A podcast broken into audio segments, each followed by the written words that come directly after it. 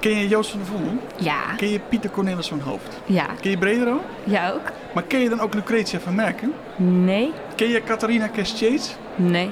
Ken je Catharina Verwers? Nooit van gehoord. dit is dus precies het probleem. Niemand kent die vrouwen. Je luistert naar Vondel was een vrouw. De podcast die je meeneemt naar de 17e en 18e eeuwse theaterwereld. En die vrouwelijke toneelschrijvers van toen uit de vergetelheid haalt.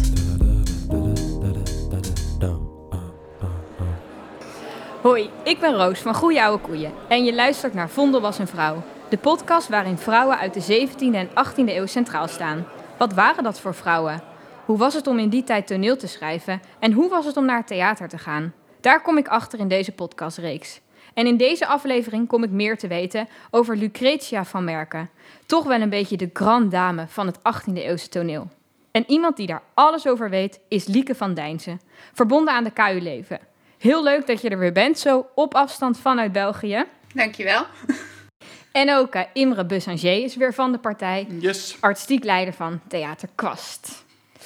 Laten we eigenlijk gewoon meteen over eh, Lucretia Wilhelmina van Merken gaan praten. Wanneer leefde zij, Imre? Eh, zij leefde in de tweede helft van de 18e eeuw. Geboren in 1721 en gestorven in 1789. 68 jaar oud geworden. Oké. En waar kennen we haar van?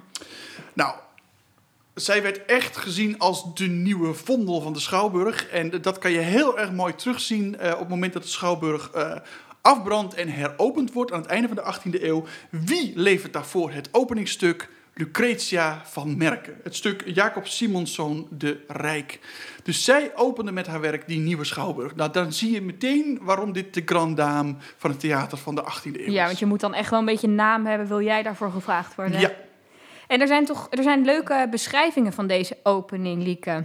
Ja, dat klopt. Ja, iedereen stond echt te popelen om terug het theater in te gaan. Het was twee jaar dicht geweest. En dan die grote Grand Dame, eh, Lucretia Wilhelmina van Merken, ook nog een knalstuk. Iedereen wilde dat gaan zien.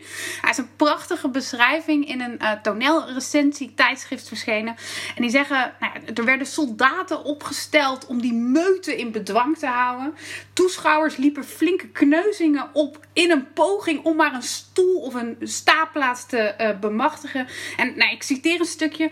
Eh, ze moesten het bekopen met het verlies van hoed, pruik, muts of schoenen en zelfs met gescheurde kleren.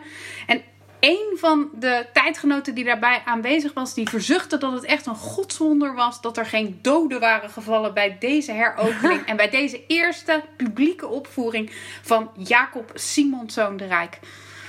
Ik zie ook echt die pruiken nu helemaal in het rond vliegen. en ehm, ja, Vondel kende hij van Merken? Nee, nee, Vondel was al overleden. Ja, maar, zij kende maar hem zij wel kende natuurlijk. hem wel. Ja. Kijk, eh, de, die nieuwe schouwburg die geopend werd, dat was de schouwburg op het Leidseplein. Vanaf, vanaf dat moment hebben wij in Amsterdam een schouwburg op het Leidseplein. Ja. Die schouwburg die afgebrand wa- was, dat is de schouwburg op de Keizersgracht. Daar prijkte de spreuk van Vondel boven de toegangspoort. De wereld is een speeltoneel, ik speelt zijn rol en krijgt zijn deel. Ja. Daar, voordat zij verhuisde is ze daar al tig keren onderdoor gelopen. Dus zij, kijk, Vondel was gewoon de Amsterdamse stadsdichter en ook de toneelschrijver. Dus zelfs in die 18e eeuw nog. En hoe zag ze eruit, Lieke? Welk portret eh, kunnen we van haar in het boek plakken? Nou, we hebben twee opties. Dat is vrij uniek. Eh, er zijn twee portretten van haar overgeleverd. Eentje van de jonge Lucretia van Merken. Dat is een tekening. Die zit op dit moment in de collectie van eh, Jan Six. Dus die kun je daar met heel veel geluk gaan bekijken. Ja, we zien daar een hele jonge vrouw, ambitieus aan haar studeertafel. En er liggen overal rommelige boeken. En alles staat een beetje schots en scheef. En zij is, nog, nou, zij is gewoon nog jong en fris. Dat is niet het beroemdste portret van haar. Het beroemdste portret dat we van haar kennen is. eh, nou ja, en Imre en ik hadden het alle twee volgens mij bij ons ook weer. Ik, eh ik, ik kou het even omhoog, maar jullie kunnen dat natuurlijk niet zien. Ik zal haar eens even beschrijven. We, treffen de hele. Nou, Lucretia van Merken op het einde van haar leven. Ze zit voor haar boekenkast netjes geordend. Grote, grote toneelwerken moeten daar eh, hebben gestaan. En ze kijkt heel serieus, pen in de aanslag. Ze is weer bezig met het schrijven van een literair meesterwerk. Ja, dat portret eh, is het meest beroemde van haar. Het hangt ook in mijn werkkamer. Eh, het is wel een portret, moet ik alvast erbij zeggen, dat pas na haar dood is gepubliceerd. En dat zegt heel veel over Lucretia van Merken. Wij zeggen nu al een paar keer de grand dame van het Nederlands toneel. Maar zelf was ze eigenlijk heel erg bescheiden. Uh, dus ze wilde niet dat haar portret gedrukt werd. Haar man, uh, Nicolaas Simonsson van Winter, ook een beroemde dichter uit die periode, gaat uiteindelijk na haar dood in op de de, de, stroom aan verzoeken die bij hem binnenkomen van wij willen allemaal een, een, uh, een herinnering aan deze grote vrouw in ons huis hebben. Wij willen haar portret. Dus zo komt er uiteindelijk toch nog een portret van haar op de markt. Maar het had niet veel geschild of we hadden niet geweten hoe ze eruit zag. nou, gelukkig kunnen we daar één in het vriendenboek plakken. En uit wat voor gezin kwam ze, Imre? Uh, ze groeide op in Amsterdam op de Keizersgracht op de hoek van de Herenstraat. En het was een uh, remonstrants gezin, gegoede burgerij. Haar vader was bondhandelaar. Dat okay. hoor je niet vaak meer. Mooi, nee. mooi beroep. um, en ze had al heel jong had ze interesse voor po poëzie. En werd daar ook uh, in gestimuleerd door haar moeder. Dat vind ik ook wel bijzonder. Ja, je hoort toch meestal van Meestal hoor je dat die vaders dan hoofd of vondel zitten voor te lezen. Of dat het predikanten zijn, waardoor dat, hè, dat, dat woord heel erg belangrijk wordt. En dit is dus vanuit moederskant wordt gestimuleerd. Ja, zij schrijft dan al op vrij jonge leeftijd gedichten. Uh, Lieke, wanneer debuteerde zij en wat voor werk was dat? Ja, ze debuteert op, uh, op haar 24ste al. Uh, dus ze is echt net 24 geworden. En dan schrijft ze dus haar eerste toneelstuk ook al. Dat is echt best wel bijzonder. een stuk, een eigen toneelstuk. Dat gaat over nou, een beetje raar, de, de troonopvolging van, de, van een Perzische koning. dat, wordt, dat wordt gevoerd. Artemides heet het. Uh, maar wat wel bijzonder is, of eigenlijk helemaal niet zo bijzonder, dat toneelstuk dat publiceert ze dus in 1745 niet onder haar eigen naam, maar onder een zinspreuk. La vertu pour guide, dus de deugd als gids.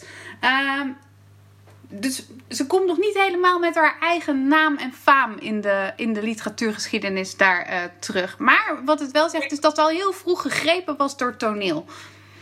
En heeft dat uh, ja, dan die zinspreuk te maken ook dat ze zo bescheiden was?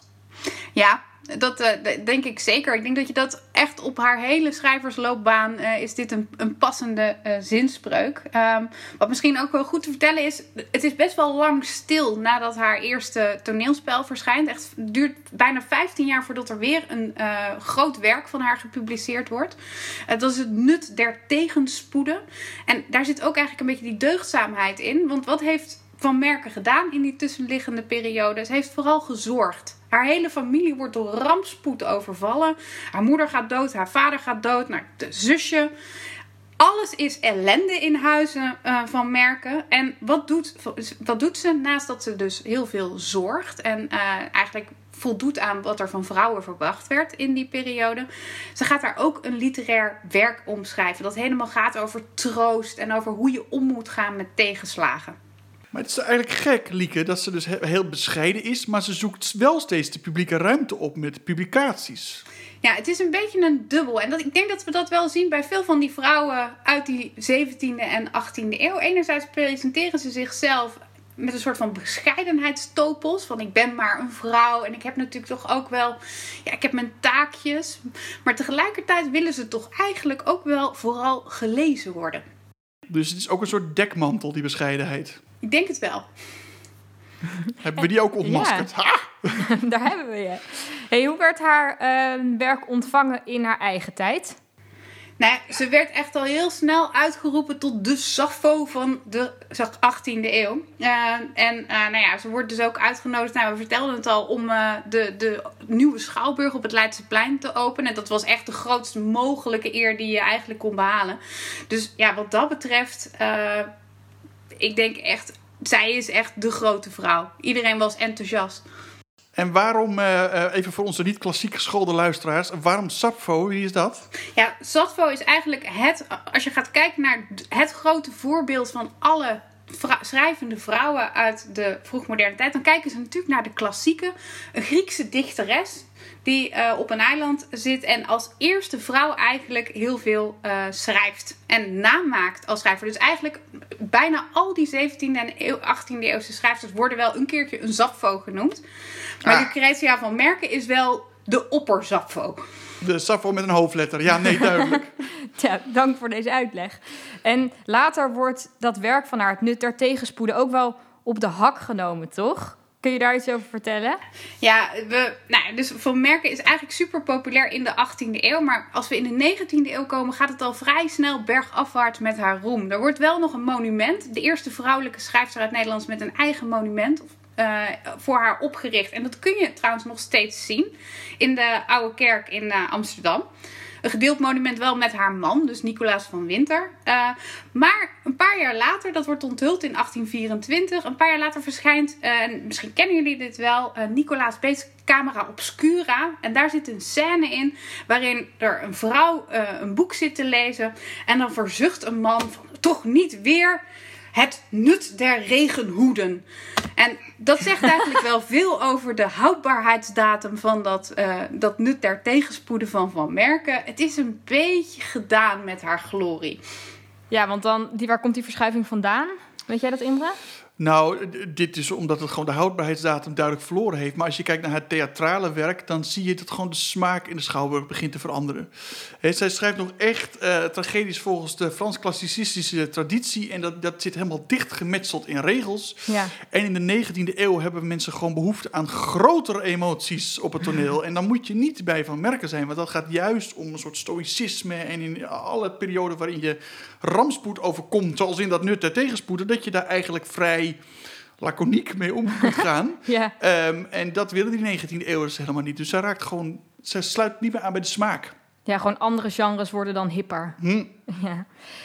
Iets heel anders. Um, ik heb een leuke vraag ontvangen uh, van de cultuurvlogger Marco Dreyer. Hij is zelf een enorme theaterfan.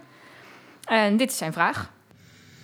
Hallo, ik ben Marco Dreyer en ik ben de cultuurvlogger ik, had eigenlijk wel, ik was eigenlijk wel benieuwd naar die vrouwen, de, de, toneelschrijvers uit die tijd, waar ze hun uh, inspiratie vandaan haalden. Was dat uit hun eigen leven, dus hun eigen omgeving, vrienden of gebeurtenissen?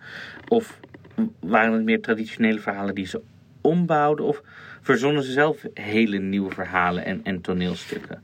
Daar was ik eigenlijk wel benieuwd naar. Ja, nou, je ziet, er komt veel inspiratie uit het buitenland. Dus stukken die daar gepubliceerd worden, die bewerkt worden voor de Nederlandse markt. Uh, en Lucretia van Merken kijkt ook nadrukkelijk naar episodes uit de opstand, de Nederlandse opstand. Ze heeft een stuk over het beleg van Leiden. En dat Jacob Simonsson, de Rijk, waar we het net even over hadden, is ook zo'n episode uit opstand. Um, en een onschatbare bron daarvoor is bijvoorbeeld de Nederlandse historie van PC Hoofd. Bladen maar eens door en je komt allerlei leuke anekdotes tegen. Uh, dus ze kijken terug naar hun eigen verleden, um, of dus veel verder terug en dan kom je in de klassieke wereld terecht.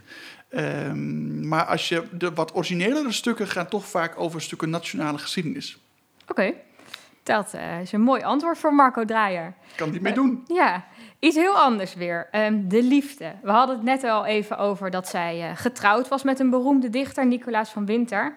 En Lieke, hoe uh, ging dat eigenlijk? Twee dichters in een huwelijk. Ik kan me voorstellen, ja, concurrenten. Lijkt me best ingewikkeld.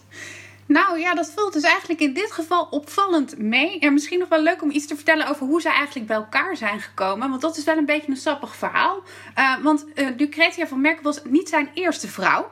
Uh, dat was uh, een goede vriendin van haar die op een gegeven moment sterft. Wordt, nou, eerst, wordt eerst ziek en Lucretia van Merken komt haar verzorgen. Nou, dus had de smaak te pakken. Uh, ja, ja. En uiteindelijk, nou, haar vriendin sterft en uiteindelijk gaat... Onder dus verdachte omstandigheden of niet?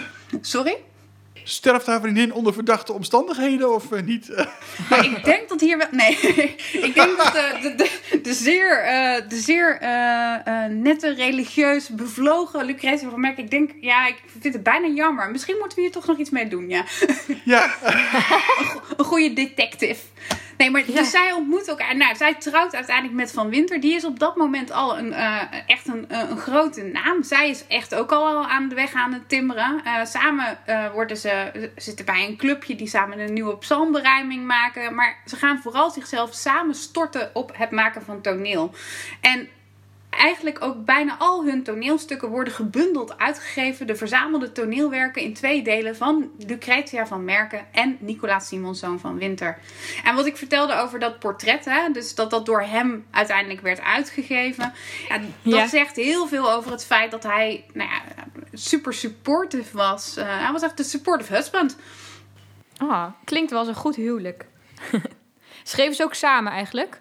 Nee, ze hebben dus samen aan die, uh, aan die psalmvertaling geschreven. Maar verder zijn er volgens mij, naar mijn weten, geen publicaties onder hun beide namen verschenen. En uh, wie zou haar voorbeeld zijn uh, vandaag de dag, Lieke? Nou, wat ik heel fascinerend vind aan Lucretia van Merken, en dan, dan ga ik toch nog ook even een, een, eigen tijds voor haar eigen tijdsvoorbeeld noemen, is dat ze dus ze, uh, ze correspondeert met echt veel grote grootheden, waaronder ook George Washington. En ik denk dus dat uh, zij schrijft brieven aan George Washington. Ze krijgt ook brieven van hem terug, de Amerikaanse president. Uh, en dat zegt heel veel over het feit dat zij echt houdt van patriotten die gaan voor het vaderland. Dus ik denk dat uh, ze eigenlijk wel heel erg gecharmeerd zou kunnen zijn van. Nou, van een aantal moderne politici die zich echt inzetten voor het Nederlandse volk. Oké, en dan misschien een modern theaterstuk, Imre? Ja, nou, hierop aansluitend. Ik, ik zat erover na te denken dat ja, dat moet dus Soldaat van Oranje zijn. Dat is haar kopje thee. Daar Kijk, zouden we haar in de zaal van, zetten. Uh, ja, gewoon ouderwets, goed nationalistisch uh, toneelstuk of uh, nou ja, musical in dit geval of film. Ja. Dat lijkt mij past als een jas bij Lucretia. Oké. Okay.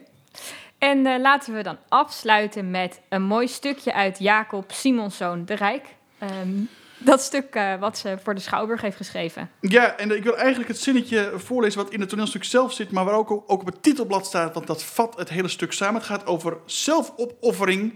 Um, en hij, uh, de, de, titelpersonage, kiest op een gegeven moment van oké, maar als dit de consequenties zijn, hij is gevangen genomen en hij mag dan bevrijd worden. En dan heeft hij de keus, maar dat heeft consequenties die hij niet wil aanvaarden. En dan zegt hij, ik begeer de vrijheid niet ten koste van mijn eer geef mij die keten weer. Jee. Jee, ja. Dankjewel. Dankjewel Lieke ook vanuit Antwerpen. Um, in de volgende aflevering komt Catharina Leskaja uh, aan de beurt. Tot dan. Doei. De podcast Vondel was een vrouw is een productie van Goeie Oude Koeien in opdracht van Theater Kwast. De podcast kwam tot stand met steun van het Cultuurstimuleringsfonds Haarlem, de Gravin van Bieland Stichting, de JC Ruigrok Stichting en het Prins Bernhard Cultuurfonds Noord-Holland. Veel dank aan Imre Bussanger en aan alle experts die ons meenamen naar vroeger. Wil jij een van de voorstellingen van Kwast bijwonen? Ga dan naar theaterkwast.nl voor het programma. En wil je dat nog meer mensen kennis maken met deze 17e eeuwse theaterwereld? Laat dan een recensie achter. Dat maakt de podcast beter vindbaar. Dankjewel.